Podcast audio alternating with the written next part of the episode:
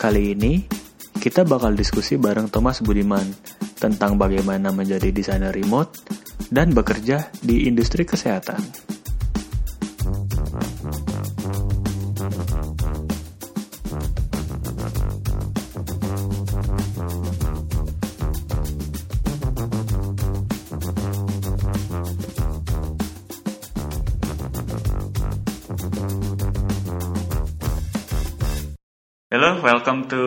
Sit Talk Design. Kita kembali lagi di episode hari ini tuh gue lagi bareng sama apa ya bilangnya ya, hmm, desainer, break dancer, enggak ya, masih dance, masih ngedance nggak mas? Ya, gue lagi sama Mas Thomas. Halo semuanya. Ya, gue lagi bareng The Budiman. Ya, ini Mas Thomas Budiman, eh, lagi di apartemennya. Boleh nggak mas ini mas kayak, ya kita tahu lah mas Thomas ini kan udah terkenal ya. Cuman mungkin ada yang belum tahu nih sama Mas Thomas. Boleh nggak eh, kenalan dulu sama pendengar kita? Eh, ya, ya secara simpel ya nama saya Thomas gitu kan. Mungkin ada banyak beberapa orang mungkin kenal saya mungkin lewat dunia maya ya. lewat dribble ya pasti Ya, dribble gitu ya. kan. Tapi padahal gue udah udah udah se- setahun ini gue sama sekali udah nggak main gitu ya. Terus udah ya beberapa kali gue posting beberapa artikel medium juga kayak gitu kan. Mungkin uh, beberapa kali gue juga sempet nongol di meet up jadi akhirnya gue kenal kenalan gitu sama komunitas yang ada kayak gitu. Ya mungkin kalau misalkan udah banyak yang kenal gue ya mungkin nggak tahu juga ya sebenarnya gue terkenal apa enggak ya gitu karena udah se se se, se- apa ya udah setahun ini gue sama udah menghilang mungkin karena gue Iya, iya. karena gue lebih banyak ngurusin baby sekarang Oh. Kayak lebih banyak ke family then gue sekarang kan kerjaan gue remote kan bareng Iya, uh, iya. salah satu company di UK sana namanya Hano Iya, iya. terus ya udah akhirnya kayak gue sebenarnya gue kayak all by myself kerja kayak di dalam gue Oke. Yaudah hari ini kita kayaknya nggak usah ngobrolin desain kali ya. oh boleh boleh Kita ngobrolin gimana cara ngurus baby. ngurus anak ya udah, itu mungkin nanti terakhir. Oke, eh, jadi Mas Thomas ini kan sekarang apa ya? Hmm, remote designer berarti Mas Iya. di Hano. Kalau saya pernah ah, ya, I do my research guys. Ceritanya ceritanya I do my research. ceritanya gitu. udah riset dulu ya, Padahal udah ceritanya kenalan. udah udah beberapa lama ya. Eh, boleh nggak Mas? Hano itu kan Hano itu apa Mas sebenarnya? Apakah Ah. agensi atau startup atau gimana? Oke, so basically sebenarnya kalau misalkan kita bilang dia agency bisa jadi, Mm-mm. tapi uh, kami semua di dalam sana, terutama foundernya, ya insist bahwa kita nggak mau nih dibilang sebagai agency, Oh. kayak looks heavy. Iya, iya, iya. Sedangkan kita juga uh, kita cuma sekitar 10 orang di dalamnya, Mm-mm. ya gitu, nggak lebih dari itu. Tapi kita mau disebut lebih seperti kayak tim. Jadi Hmm. kalau misalkan dibayangkan tuh kita kayak Avengers mungkin. Gimana Jadi kita kayak kita kayak Avengers, kita datang ke sebuah enterprise atau company atau startup gitu ya untuk ba- bantuin mereka gitu untuk solve problem mereka, untuk prototyping, untuk desain gitu. Jadi kayak kita kayak kita ngerasa bahwa kita tim kita uh, bener-bener nimble gitu, bener-bener kayak nggak nggak berat gitu ya. Jadi kita bisa masuk ke dalam tim mereka, embed di dalam tim mereka, yaitu untuk solving the problem, untuk bantuin mereka, untuk desain. Oke, berarti em, ya semacam apa ya eh, tim cepat tanggap, gitu. bisa nggak ya? Kayak ya gimana ya? Iya sih. Ya mungkin mungkin kurang lebih kurang lebih kayak gitu sih. Jadi kayak mungkin panggilan. Panggilan, ya ya ya ya. Tim ya. panggilan. Tim panggilan. Oke, kalau gitu eh, apa ya? Industri yang dimasukin tuh ada fokusnya nggak sih mas? Kayak Hano itu mungkin kayak pengennya industri bank banking doang gitu, atau Hmm. mungkin maunya transportasi doang gitu. Ada nggak sih mas? Iya. Jadi kalau misalkan kalau lihat datang masuk ke website kan hano.co Iya, iya, gitu ya. Emang kita udah set- setahun terakhir Mm-mm. kita udah ada satu positioning baru gitu ya. Karena Iya. kita juga ngerasa apa ya? Kita pengen terfokus pada sebuah industri doang gitu Iya, ya. iya. Kita fokus sama industri health. Mm-mm. Tapi pada dasarnya waktu kita ngobrol-ngobrol gitu ya, kita apa sih yang tertarik gitu bagi kita bagi kami semua nih di dalam gitu ya. Kami tertarik uh, lebih ke area sebenarnya indus- uh, industri-industri yang ada sisi doing something social. Hmm. Kayak gitu. Jadi misalkan salah satunya environmental juga kita juga tertarik gitu di sana. Iya. Jadi uh, ya tapi sekarang kita lebih terfokus sama lebih ke health aja sih. Hmm. Kayak gitu. Terus em, Mas Budi sendiri kan di Hano udah berapa lama nih Mas? Dua tahun, hampir dua tahun, dua tahun. Dua tahun ya. Ah. Terakhir kan sempat di Bukalapak juga. Iya. Eh, Sekarang di Hano terus sekarang kenapa nih? ter- dulunya tuh kenapa tertarik di Hano yang health industries fokusnya? Oke, jadi sebelumnya waktu masuk di Hano Iya, iya. itu mereka tuh masih kerjainnya bebas, Bebas. apa aja. Jadi mereka nggak nggak ada positioning tuh Ah. yang namanya mau ke health atau ke mana pun gitu ya. Hmm, hmm. Jadi waktu itu ya gue jelas masuk ke Hano lebih ke arah karena remote-nya sih. Oh, Kayak gitu remote. karena oh oke doing full time remote gitu kan. Uh, I mean kayak biasanya kalau kita freelance tetap aja juga kita remote kan doing sama buat kliennya gitu kan. Benar, Misalkan kalau benar, kliennya di mana atau enggak mungkin teman-teman yang suka dapat kerjaan di dribble remote gitu kan. Iya, iya, iya. Sama kliennya ada di US, di mana di Eropa di segala macam gitu kan. Tapi ini full time gitu. Ini full So it's- this is different gitu. Jadi kayak gua kerja kantor tapi kantornya tuh remote, gitu Remote, kan. ah. Nah, dari yang gue suka adalah juga mereka kadang bikin retret kadang-kadang. Iya, Retretnya iya, itu yang setahun dua kali gitu kan. Setahun dua Ya, kali Setahun dua kali gitu kan. Ya main snowboard, kita pergi kumpul segala macam. Akhirnya kita juga belajar bareng, kita juga lebih kayak apa ya, najemin visi bareng. Itu yang menarik sih buat gue juga untuk kayak gue learn the culture mereka sama mereka gitu. Hmm. Terus along the way, eh, akhirnya waktu kita ketemuan, kita ketemuan bareng juga, iya. akhirnya dibahas tuh kayak eh kita kayaknya nggak mau ini deh kita kayaknya mau positioning sesuatu hal yang baru kayak gitu bukan sesuatu hal yang baru sih kita udah sering bahas uh, hal ini gitu ya bahwa kita kayak aduh kayaknya kita nggak mau doing something kayak apa ya uh, mungkin bukan berarti gini loh bikin website company profile tuh bukan gak bawa impact ya Iya iya. gue nggak mau bilang kayak gitu juga gitu ntar ada yang tersinggung gitu Iya, ya. iya, iya, iya. kayak bikin website e-commerce bikin website apa pun itu uh, online shop tidak tidak membawa impact gitu kan ya semua membawa impact gitu kan tapi ini pilihan kita kayak untuk bawa satu impact yang lebih menurut kita oh ini ya gitu ya kayak Ah. kayak kita nih dilahirkan Oke, gitu. oke, kayak iya. bringing something ya sesuatu yang berhubungan dengan sosial Hmm. kayak gitu apakah tentang lingkungan gitu kan environment Yep. terus apakah tentang uh, kesehatan kayak gitu jadi hal-hal tersebut yang apa ya akhirnya gitu membuat kita berpikir ulang lagi gitu ya kayak hey oh desain kan ada gitu ya misalkan secara mindset gitu Iya. kan Uh, kita bisa bawa itu sebagai problem solving Oke. kayak gitu. And then kita juga berusaha untuk dari sana akhirnya dari problem solving itu kita bisa create impact Mm, gitu mm. kan. Bisa menyelesaikan permasalahan Mm. kayak gitu di sana. Jadi akhirnya dari, dari setelah saat itu oke, so uh, kita akhirnya bikin positioning baru gitu kan ke area health ini. And then which is kayak buat buat gue juga wow gitu kan ini something yang baru dan akhirnya buat gue gue align banget gitu dengan hal ini. Gue merasa something yang kayak gue lebih apa ya kayak lahir baru gitu refresh gitu. Kayak se- sebelumnya kayak gue ngerasa oke desain kayaknya gue bosen deh sejauh ini kayak gue you doing doing most most of the time gue doing UI Ah. ya kan user interface design gitu kan. Terus gue mulai nyemplung ke dunia UX the, the UX process gitu kan. Tapi something yang kayak ketika lu deket makin deket sama human gitu kan lu ketika lu mikirin Iya, ya iya. kita selalu bilang kayak user user user bosen gitu kan. Iya, benar, human human human human. Ya gue bilang kayak eh, ternyata dari dari sana gue ngerasa waktu gue doing di health stuff gitu kan gue gue ngerasa kayak ada sesuatu hal yang ba sesuatu yang lama sih udah ada tentang user tentang human tapi gue ngerasa kayak jauh lebih deket aja Lebih kayak gitu kayak gitu lebih ya. impactful gitu buat mereka kayak gitu Oke, em, berarti kayak apa ya? Mas merasa kayak eh, desain yang aku kuasain ini tuh akhirnya bisa untuk apa ya memberikan impact atau manfaat yang lebih gitu ya kepada orang-orang melalui health.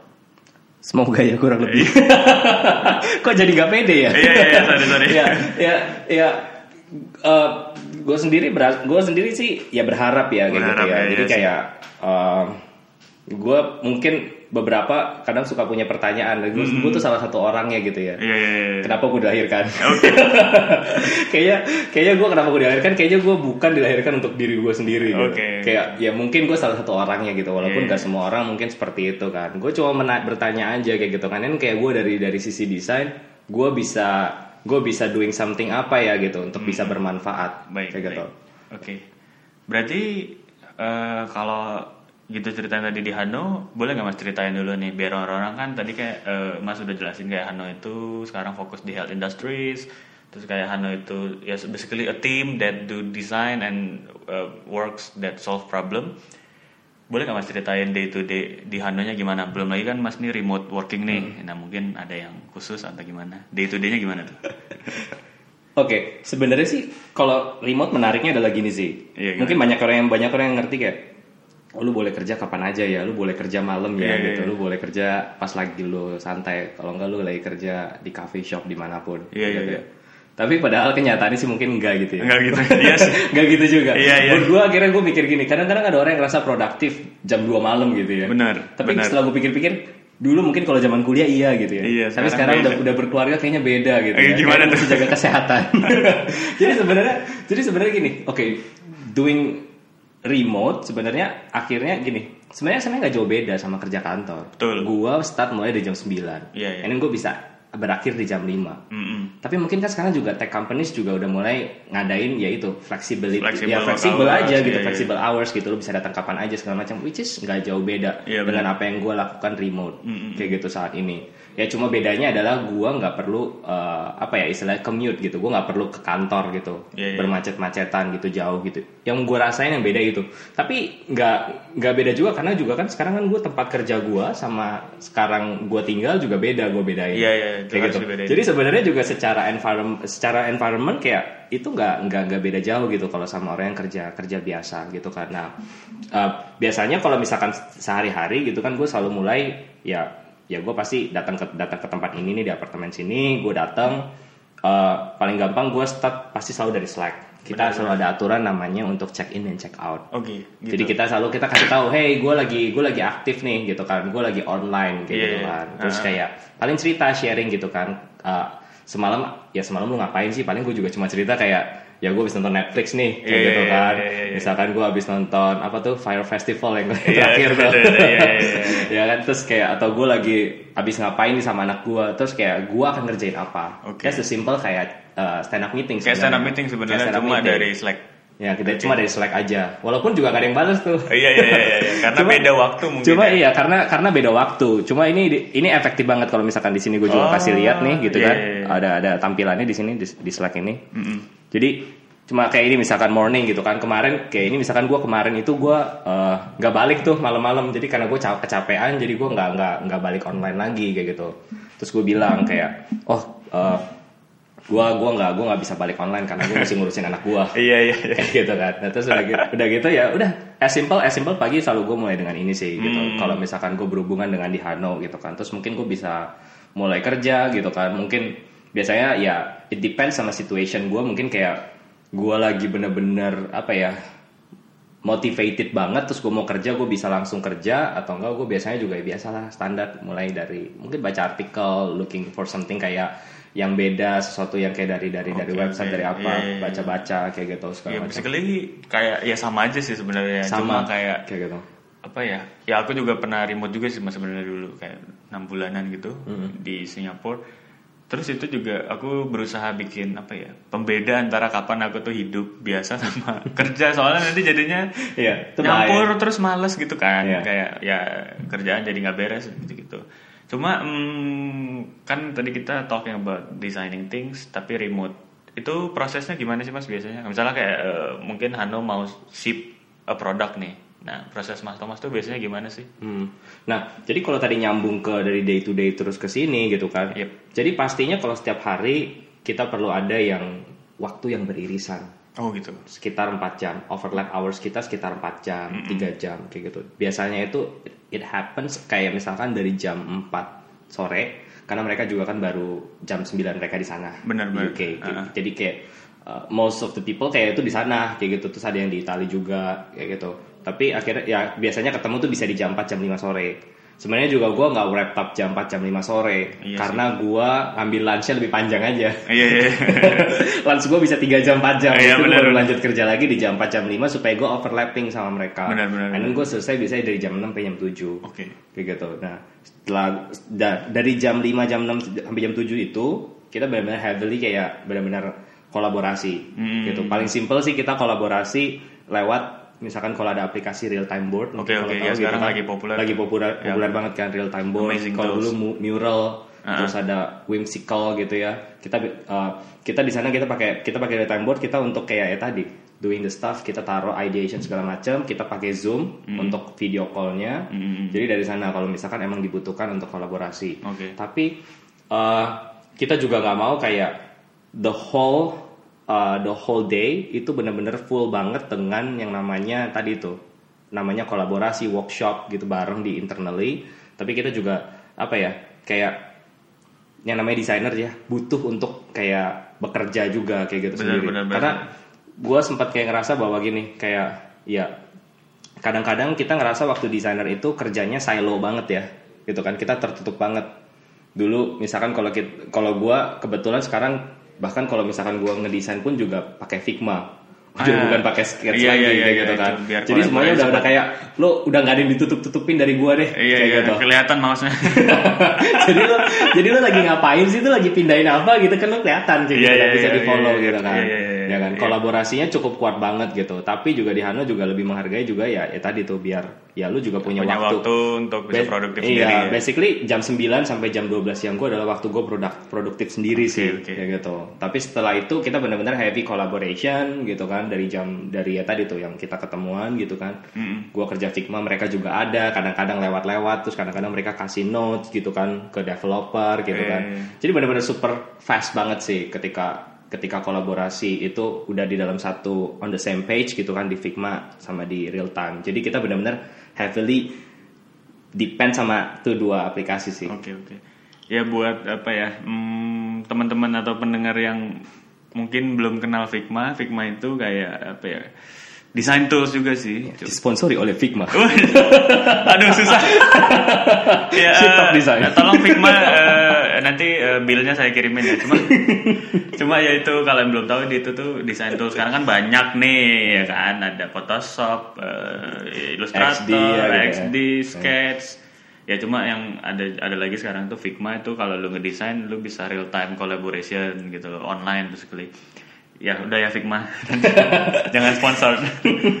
Oke, eh, berarti Mas kayak misalnya kayak ada proses-proses desainnya itu bisa dilakukan remote juga. Kalau aku boleh summarize sedikit soal cara Iya. kerjanya.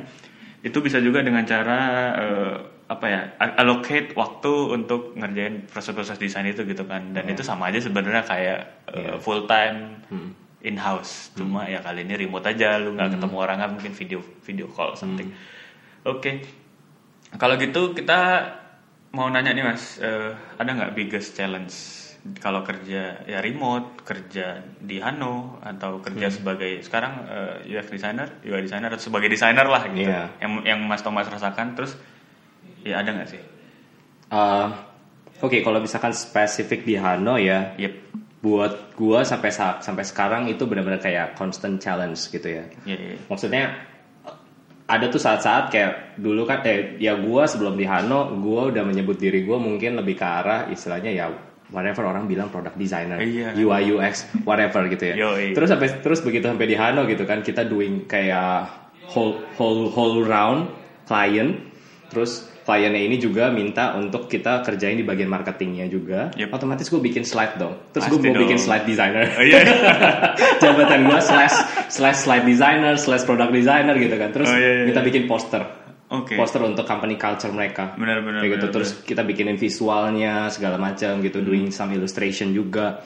Terus gue bilang juga akhirnya gue poster designer slash poster designer gitu kan. Itu yang akhirnya buat gue kayak uh, waktu itu challenge buat gue adalah gini. Waktu itu pemikiran gue udah shifting ke area produk UI UX kayak gitu. Benar. akhirnya gue shifting balik lagi gitu. Iya, iya, tapi iya. akhirnya di situ gue kayak nemuin sedikit ya epiphany lah buat gue kayak akhirnya gue gini eh iya ya.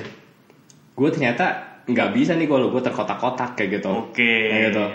Nah, apalagi gue kerjanya gue ya tadi dibilang kayak dibilang kayak agency ya kan. Iya, ya Hano iya, iya. ya Hano juga baik lagi agency lah gitu. Kita serve buat klien kayak gitu.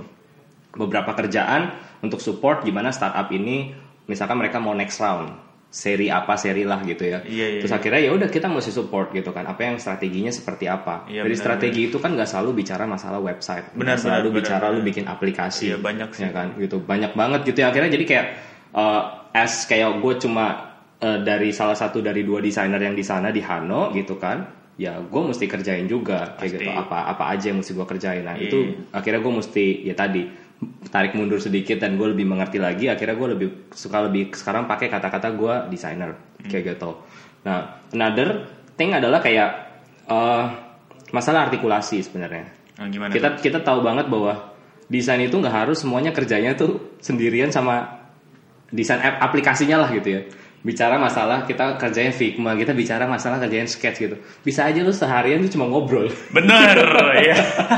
Bisa aja lu sehari seharian lu cuma gini loh, lu mikirin nih gimana cara lu ngomong. Iya, gitu iya, kan. iya, Gimana iya, cara iya. lu uh, present your ideas gitu kan. Yes. Dengan strategi apa gitu kan supaya orang ngerti gitu kan. Buat gua waktu gua uh, gua kerja di Bukalapak gitu ya. Iya, iya. Gua cuk apa ya gini, gue udah cukup fluent banget lah waktu itu kayak sombongnya gitu ya kayak gue ngobrol sama di area C level gitu kan, gue ngobrol di area manager gitu kan, Iya, iya, ya udah udah bisa lah bah- bahasanya agak kayak politik politik gitu, Iya, iya, benar, benar, agak politis politis gitu lah ya gitu ya. Maksudnya.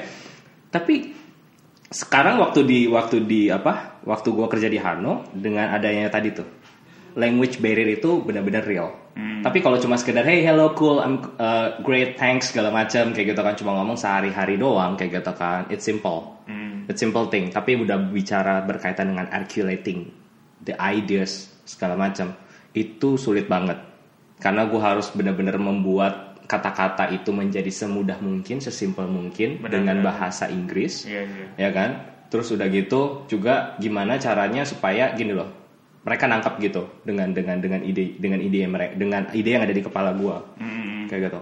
Jadi emang itu cukup kayak buat gua constant challenge juga kayak gitu. Oke. buat gua untuk bisa art- articulate the ideas gitu kan. Terus uh, another ya paling kayak biasa sih kayak sempet juga gue ngerasa lonely juga kayak gitu Iya, kan. Iya, kayak lu lu doing Sendiri, remote gitu kan iya, sendiri. sendiri. walaupun kayak lu ngerasa kayak gini benefitsnya lu lu punya teman kerja eh sorry lu punya kayak lu deket sama family gitu Iya, ya kan kalau lu remote lu deket sama family gitu kan well deket terlalu deket sama family juga lagi di jam kerja lu juga gak bagus gitu Susah, kan. susah, iya, iya. susah juga gitu kan lu deket mungkin sama teman-teman lu di luar kantor iya iya sih tapi gitu tapi di dalam kantor lu lu ngerasa kadang-kadang jauh juga kayak Jauh, gitu. iya sih. jadi beberapa hal juga kalau dari Hanoi sendiri juga udah sering ada ya gitu yang suka membuat in- eh, inisiatif kayak gitu, hey ada yang mau ngobrol nggak sama gua gitu kan? Kalau mau ngobrol sama gua, gua lagi free kayak Iya, gitu, iya, langsung iya, kayak biar, kayak ya. kita zoom doang kita ngomongin macam-macam lah ngomongin sampah gitu ya, Iya, maksudnya boleh, kayak boleh. yang yang yang di luar dari kerjaan kayak gitu. Oke mas, tadi kan apa ya kita udah ngomong soal kayak mas atau mas Thomas tuh gimana sih rasanya kalau punya challenge di Hano, ya kan? Sekarang kita apa ya? Aku sih lebih mau nanya nih mas, kira-kira gimana menurut mas soal ya health industries atau health in the product design yang fokus di health di Indonesia? Mas Thomas tuh ngelihatnya gimana? Kira-kira Mas Thomas ya mikirnya gimana? Oke, gue perlu state dulu bahwa gini, gue nggak expert banget di dunia health industries Yoi. kayak gitu. Yang pasti, yang pasti yang perlu gue state dulu di sana itu gitu. Maksudnya, dan juga gue juga nggak terlalu immerse banget dengan yang terjadi di Indonesia seperti apa Baik. gitu ya. Dalam waktu dua, dua tahun yang lalu sebelum gue masuk Hano, waktu gue selesai dari Bukalapak, gue sempat ditawarin juga tuh kerja gitu ya. Mm-mm. Uh, untuk bantu salah satu produk itu dia juga health product Oh, health kayak gitu juga. produk juga itu kan gue sempat ada gue sempat sedikit mengerti lah problem-problem yang ada di industrinya Indonesia gitu Iya, kan iya, ya secara yang gue tangkap secara yang gue tangkap dengan mudah adalah kayak gini yang terjadi adalah eh, intinya untuk menyelesaikan sebuah permasalahan health ini nggak mudah banget. Satu besar dan akhirnya men, membut apa ya eh, istilahnya lo harus masukin kaki lo di stakeholder stakeholder lainnya gitu. Baik, dan which is itu susah banget. Iya, iya. Kayak gitu.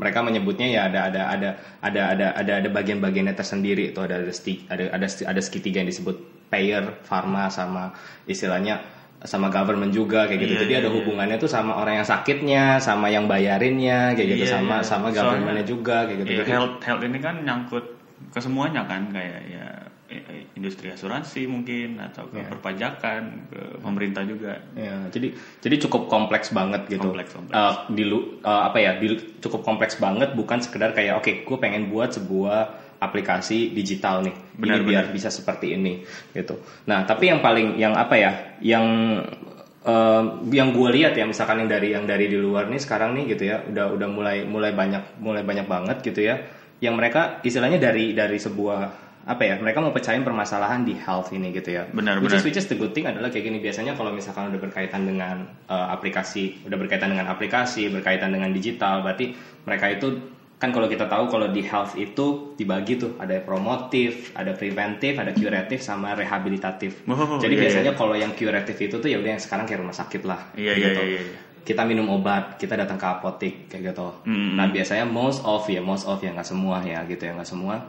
Eh, mereka bermainnya di area tadi tuh promotif dan preventatif Benar benar benar. kayak gitu promotif dan preventatif jadi mereka di area gini misalkan let's say ada sebuah aplikasi atau enggak di di di handphone lu atau enggak di smartwatch lu gitu kan untuk help you uh, untuk kayak apa namanya build better habit Iya, kayak iya, gitu iya, nah iya. itu kan preventif kan Itu sama promotif hmm. kan terhadap suatu penyakit tertentu Benar, gitu kan. benar. which is which is itu kayak itu area yang mungkin yang apa ya cukup besar banget sih bisa dieksplor kayak gitu Benar benar benar. tapi gue nggak tahu karena balik lagi setiap kompleksitas dari gini setiap kompleksitas dari industri di sebuah negara pasti beda-beda juga tuh Beda beda beda. Kayak gitu Jadi Belum kayak- lagi ya ada apa ya kedewasaan atau maturity negaranya terhadap apa ya health industry juga kan. Itu kan beda-beda juga. Makanya ya challenge juga. Apalagi ya tapi itu menarik sih mas kalau lebih banyak desainer yang coba ngeksplor itu di Indonesia gitu kan. Kayak sekarang ya mungkin apa ya eh, di dunia produk digital sendiri kan udah banyak tuh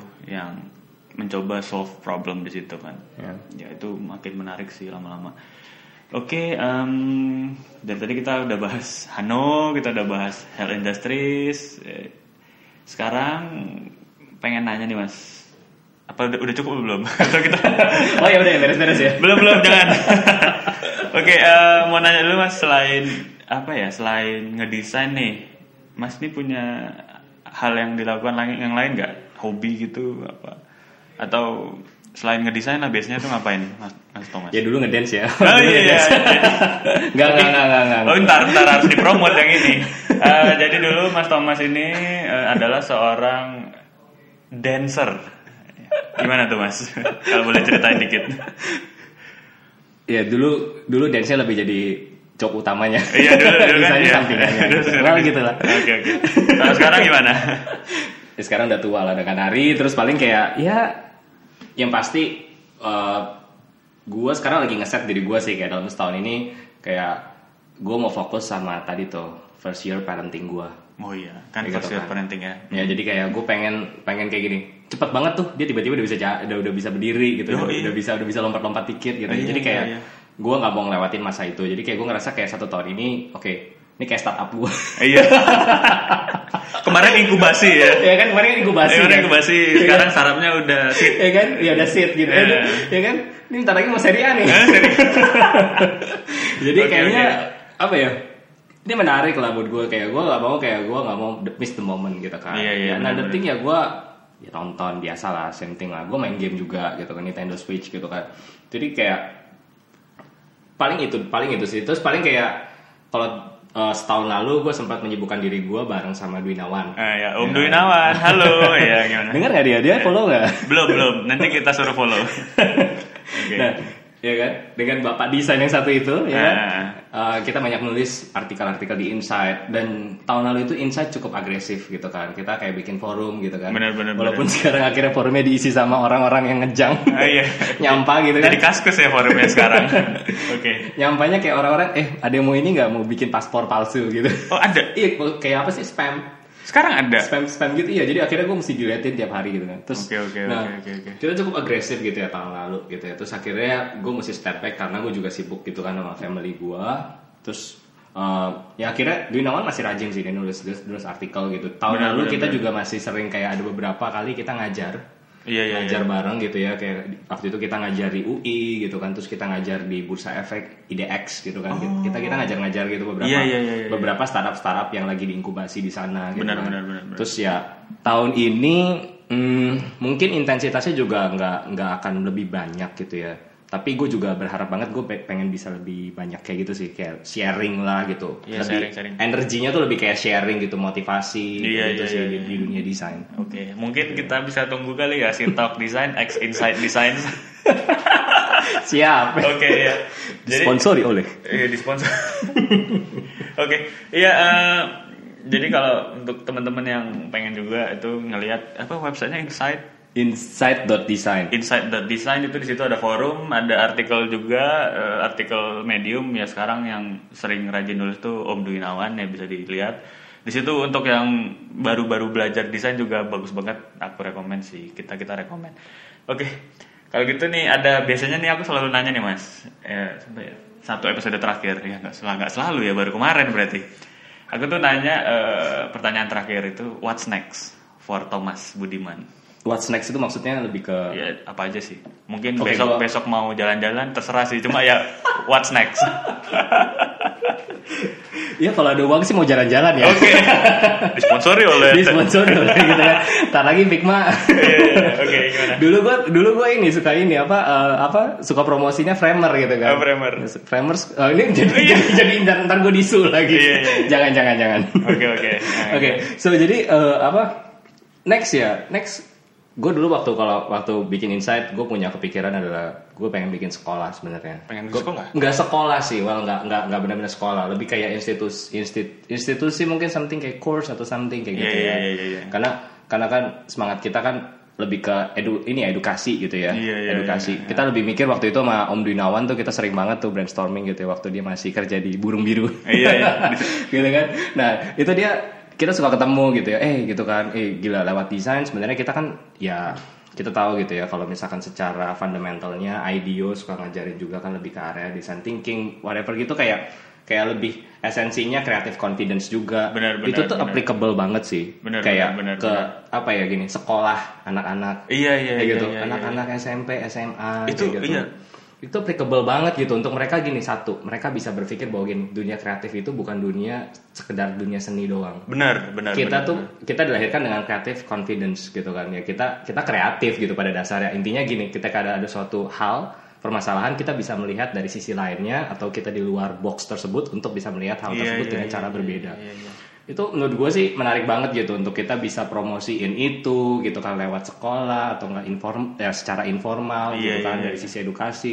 Terus yang kedua yaitu ya design thinking solving the problems kayak gitu kan. Akhirnya gimana prosesnya kayak gitu.